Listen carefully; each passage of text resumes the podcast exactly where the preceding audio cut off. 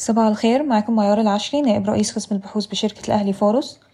قال وزير المالية القطري أن قطر ملتزمة بتعهدها العام الماضي باستثمار خمسة مليار دولار في مصر.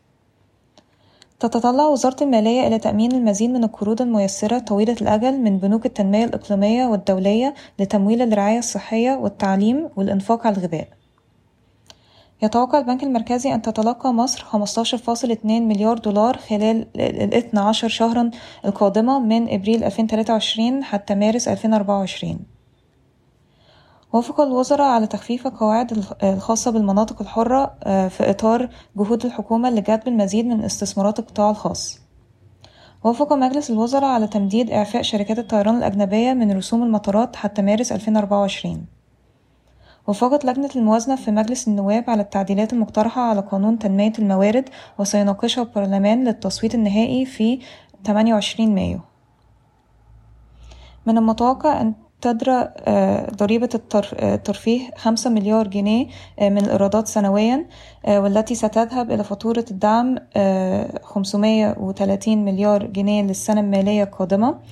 ستدرى زيادة ضريبة الدمغة حوالي خمسة مليار جنيه. قمنا برفع القيمة العادلة لأسكي بي سي إلى اتنين وعشرين جنيه فاصل تمانين قرش للسهم مع توصية بزيادة الأوزان مدعومة بصيغة الحسبة الغاز الجديدة التي تم الإعلان عنها في أكتوبر وخفض قيمة الجنيه وإضافة الأعمال التجارية.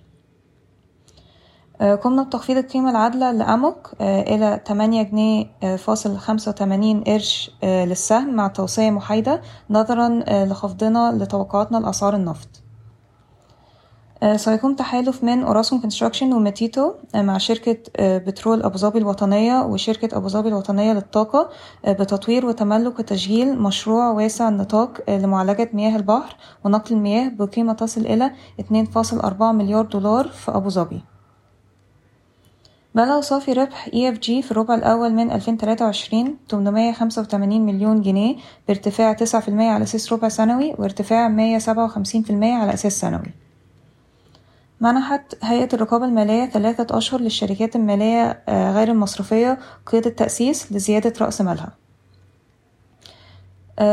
سجلت دلتا شوجر صافي ربح في الربع الأول من 2023 تلتمية أربعة وعشرين مليون جنيه بارتفاع تلتمية واحد وعشرين في المية على أساس سنوي وارتفاع مية اتنين وتمانين في المية على أساس ربع سنوي. قمنا برفع القيمة العادلة إلى خمسة وأربعين جنيه للسهم بسبب ارتفاع الأسعار العالمية وانخفاض الجنيه.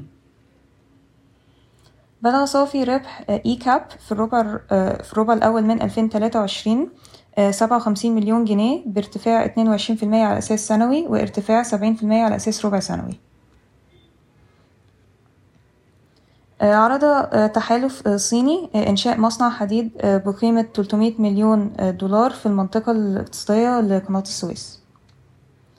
وقعت سويدي إلكتريك إندونيسيا وهي شركة تابعة لسويدي إلكتريك عقدا بقيمة 3.6 مليون دولار مع جيكا وحكومة أوغندا لتنفيذ محطة محطة فرعية متنقلة بقدرة 20 ميجا فولت أمبير لتعزيز شبكة نقل الطاقة في منطقة كامبالا في أوغندا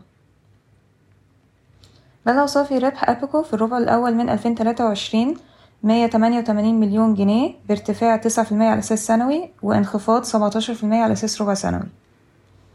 سجلت مصر الجديدة للإسكان والتعمير صافي ربح في الربع الأول من 2023 19 مليون جنيه بارتفاع 512% على أساس سنوي ومقارنة بصافي خسارة في الربع الرابع من 2022 البالغ خمسين مليون جنيه.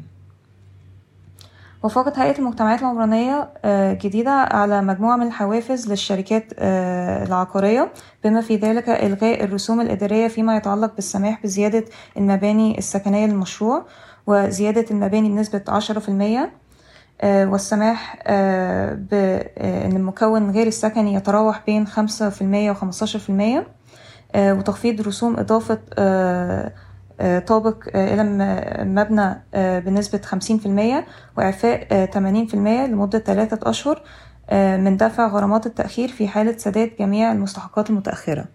شكرا ويوم سعيد.